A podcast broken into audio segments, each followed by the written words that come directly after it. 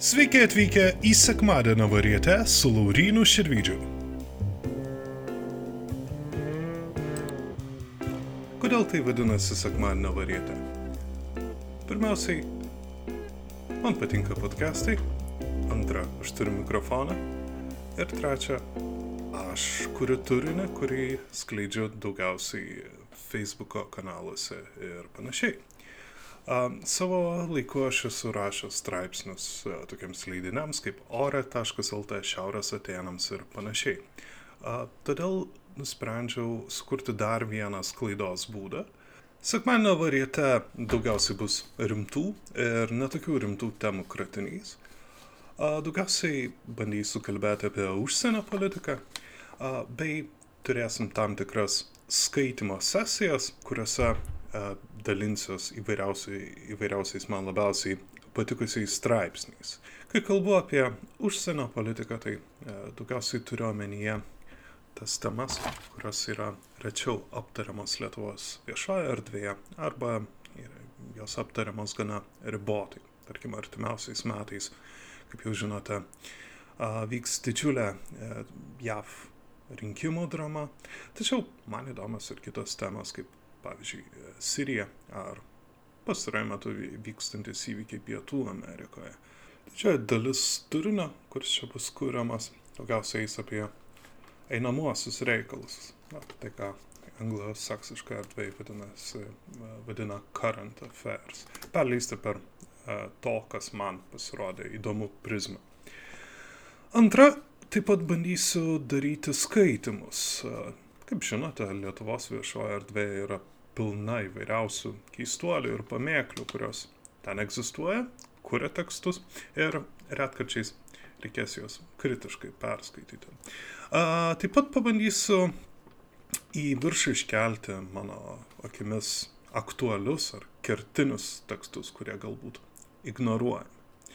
Galbūt bus interviu, nors prisipažinsiu, aš tam neturiu talento. Trečia, retkarčiais iš manęs galite sulaukti, na, ypatingo saldainiuko ar dovanos, e, jeigu aš atrasiu vienokį ar kitokį pasakojimą iš savo pro profesinės veiklos. Aš esu istorikas, daugiausiai užsiemu Lietuvos didžiosios kunigaikštystės istoriją ir jeigu rasiu ką, ką nors, kas mano nuomonė gali e, jūs sudominti, taip pat pabandysiu tą pasakojimą pateikti tokia garsinę formą. Čia taip pat egzistuoja ir tam tikrų problemų, nepaisant to, kad mes viešumoje labai dažnai teigiame, kad mes mėgstam savo šalies istoriją. Didžioji dalis lietuvių e, labai mažai žino apie ją, todėl čia egzistuoja labai didelis, didelė vertimo problema tarp to masinio suvokimo ar supratimo apie savo praeitį ir tarp to, kuo užsiema istorikai profesionalai. Galiausiai vietoj intro reikėtų prisistatyti ir pačiam. Mano vardą žinot, šiaip, kaip jau minėjau, pagal, prof, pagal išsilavinimą aš esu istorikas, užsiemu Lietuvos didžiosios kunigaikštystės istoriją. Pagal savo profesinę veiklą taip pat aš turėjau visokiausio, visokiausios veiklos su politika, man teko, teko dirbti Lietuvos Respublikos Seime 2016 metų Seimo narės Aušros Malikienės komandoje.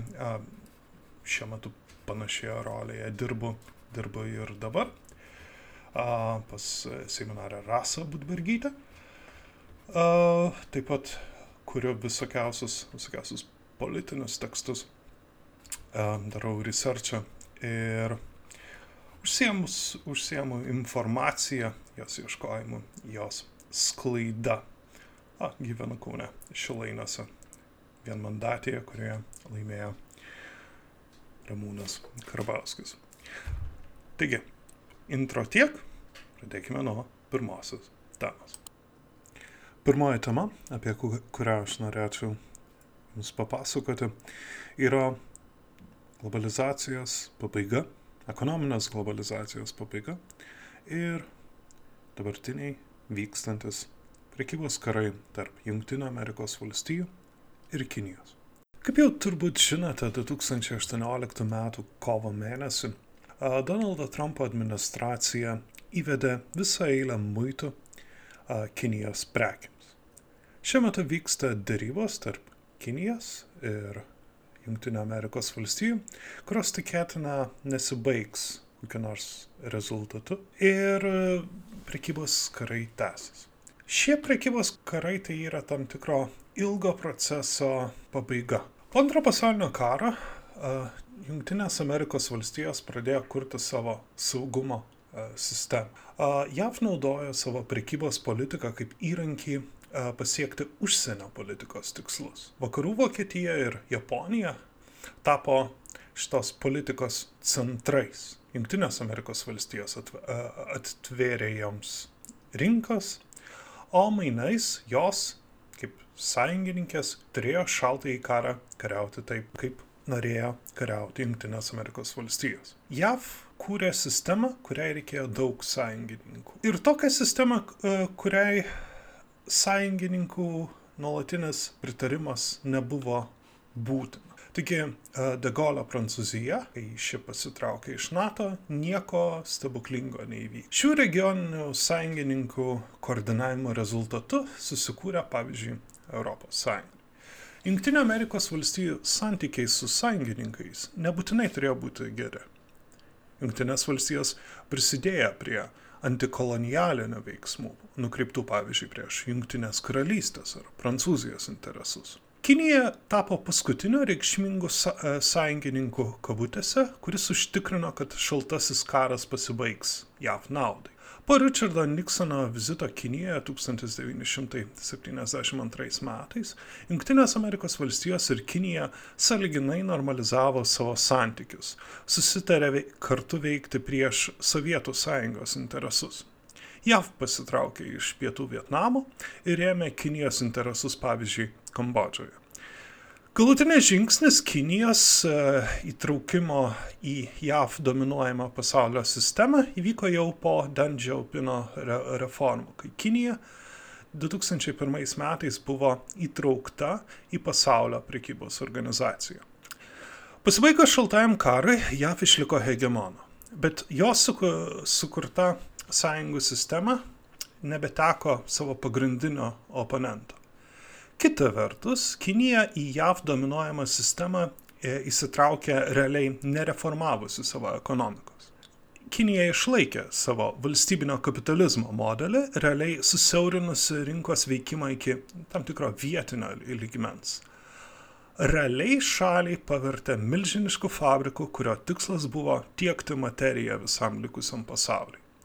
Tiesa, reikia pasakyti, kad tame buvo ir nemažas spekuliavimo valiuta aspektas. Kinija motivuotai silpnino savo valiutą. Kinijos viduje buvo motivuotai palaikomas labai žemas vartojimo lygmuo. Ir Kinijoje buvo sutaupoma, sutaupomos didelės lėšos, vėliau investuojamas į vertybinius popierius. Tame tarp ir Junktinio Amerikos valstybių valstybės skolos vertybinius popierius. Kinija per 30 mečių sugebėjo e, iškelti apie 300 e, milijonų žmonių iš skurdo iki saliginės vidurinės klasės pajamų lygio. Tačiau šitą pasakojimą turėtų nuspalvinti ir tai, kad Kinijos valstybės prievarta prieš, tarkim, religinės mažumas, tibetiečius ir uigūrus buvo sisteminė šio valstybinio kapitalizmo dalis. It was a feature, not a bug. Nusavybės teisės šioje šalyje buvo gerbiamos, jei už tos nusavybės stovėjo kompartijos funkcionieriai. Žemės valdų atimimas iš valstiečių tam, kad jų gyvenamose vietose statyti gamyklas, viešą infrastruktūrą ar vilaitas buvo labai įprasta praktika. Kinijos konkurencingumui padėjo ir masinis e, industrinis špionažas, e, visiškas patentų ir autorinių teisų negerbimas ir nesulaikimas. Kas Kinijai padėjo sutaupyti transferų į Junktinio Amerikos valstijų autorinių teisų ir patentų savininkų sąskaitą. Kinija realiai perėmė Japonijos valstybinio kapitalizmo modelį ir pritaikė jį milijardiniai šaliai. Tuo pat metu kitoje ramiojo vandenino pusėje tas kelių šimtų milijonų iškelimo iš skurdo fenomenas turėjo savo kainą. JAV vidurio vakaruose ir rudžių juostos valstijose dėl gamybos iškelimo į Meksiką, tą pačią Kiniją, bei Pietričio Aziją buvo prarasti milijonai darbo vietų gamyboje, kurios veikiausiai niekada ir nebegrįž. Koksgi skirtumas tarp Kinijos naujosios vidurinės klasės ir uh, savo vidurinės klasės statusą be prarandančių amerikiečių? Vieni neturi galimybės balsuoti, kiti turi. Visas kortas sumaišė 2008 metų ekonominę krizę. Tik mažoji dalis bailoutų Junktinės Amerikos valstijose buvo skirti realiajam sektoriui, kur buvo išgelbėta automobilių gamyba – General Motors. Prarandamos darbo vietos skatino ieškoti naujų pol politinių judėjimų, kurie turėjo pakeisti status quo, sugražinti tas prarastas darbo vietas. Tai stiprina iš pat pradžių Tea Party, vėliau Occupy Wall Street judėjimus. Tai sukuria pagrindą 2016 m. rinkimų kampanijai kurioje laimėjo kandidatas siūlęs ra radikalią laisvos prekybos sutarčių peržiūrą, kurioje Demokratų partijos pirminėse rinkimuose antras likęs Bernie Sandersas irgi pritarė šiai minčiai ir net establishmento kandidatė Hillary Clinton vėlyvai, bet perėmė mintį, kad prekybos sutartis reikia peržiūrėti. Kaip jau minėjau, JAV prekybos politika ilgą laiką buvo naudojama šalies užsienio politikos tikslams. Taigi darbo vietų šalyje išlikimas šaliai nebuvo toks svarbus kaip JAV kaip hegemono padėties išsaugojimas. Vis dėlto, JAV yra pati uždariausia pasaulyje rinkos ekonomika. JAV dauguma prekių ir paslaugų yra gaminamos vietoje likusiame pasaulyje gali siautėti milžiniški krizės vėjai, tačiau tai reikšmingai pačios jungtin, e, pa, pačių Junktinių Amerikos valstijų nepaveiks. JAV ir likusio pasaulio ekonominė interakcija vyksta daugiau per kapitalo judėjimą. JAV buvo, yra ir bus saugiausia vieta priparkuoti kapitalą. Jos finansų rinkos duoda didžiausią gražą. Tad pelnas gautas iš amerikiečio labai mėgstamų Mercedesų virtas kapitalu anksčiau ar vėliau atsiduria New Yorko biržose. O kapitalas reiškia investicijas, inovacijas, puikiai veikiančias finansų rinkas bei didesnę JAV gyventojų gerovę, nepaisant milžiniškos neligybės. Tai yra bonusas ar dovana už buvimą kapitalizmo pasaulio sistemos centru ir hegemonu. Tačiau buvimas hegemonu yra esminė klauzulė, kurią ir siekia išnaudoti Donaldas Trumpas ir kiti nepatenkintieji status quo. Iki antrojo pasaulinio karo valstybės norinčios kažką eksportuoti turėjo turėti savo laivyną, kad apginti kelią iki prekių atvykimo uostų. Kinija neturi tokio laivyno ir jei Junktinės Amerikos valstijos norėtų pabaigti Kinijos ekonominį augimą, na, tok, tokia blokada būtų labai įmanoma. Dar daugiau. Kinija supa valstybės, kurios nėra patenkintos jos ekspansija.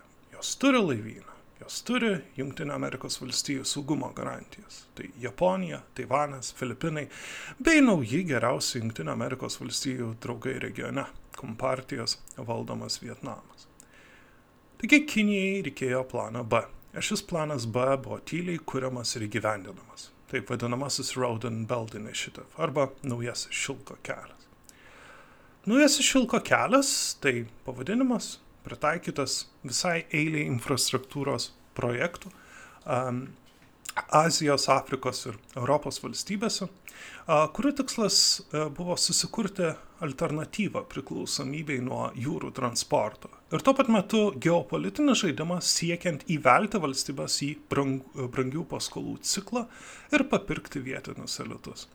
Kinija per šios projektus jau užsitikrino eilės valstybių paramą. Nuo Kazakstano, kuriam Kinija tapo jo valstybingumo išsaugojimo prieš galimą Rusijos agresiją alternatyvą, ilgalaikio Kinijos sąjungininko Pakistano, Etijopijos ir ištisos plejados valstybių Europoje. Dėl dalies jų įsitraukimo į Kinijos projektus kalta netoliaregiška ES politika nes, pavyzdžiui, Pirėjo uostas Graikijoje atiteko Kinijai per vadinamosios taupimo ar austerity politikos bangą. Kinija taip pat daug investavo į Portugaliją, Belgiją, Serbiją.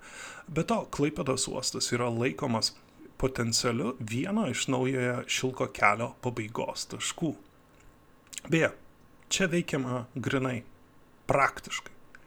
Dėl ES valdymo edų, norint užsitikrinti, kad ES viduje nebūtų vienybės Kinijos klausimu, yra daug paprasčiau, jei atskiros valstybės taps priklausomos nuo Kinijos. Taip Kinija atkartoja gana kontroversiškus, pavyzdžiui, pasaulio banko veiksmus Pietų Amerikoje ar Afrikoje, įkalinant skoloje.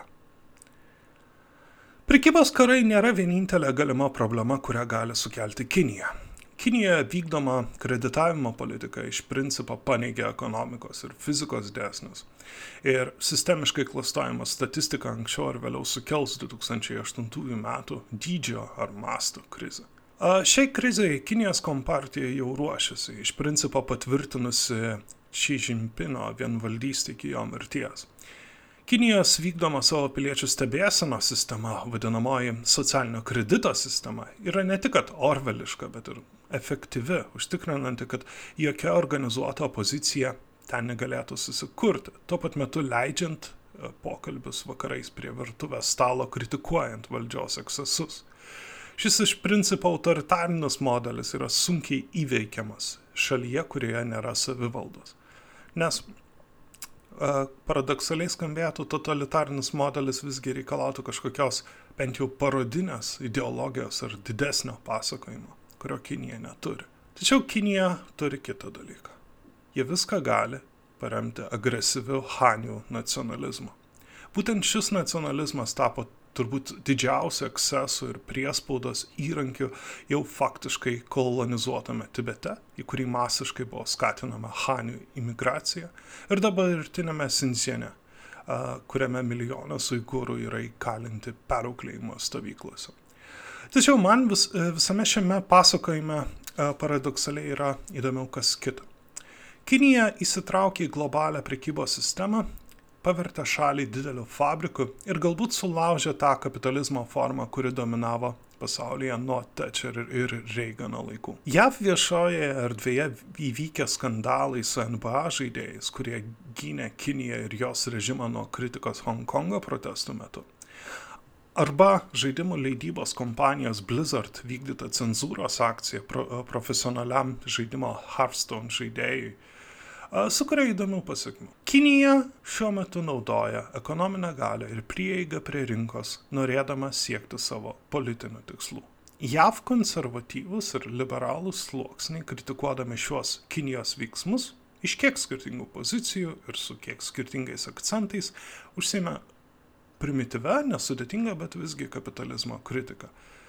Ir jei tai tęsis ilgesnį laiką, mes galėsime stebėti šiuo metu egzistuojančios ne visai susijusius savokus ribos, kaip pavyzdžiui vakarai, demokratija, laisva rinka, kapitalizmas, išsiskirimą.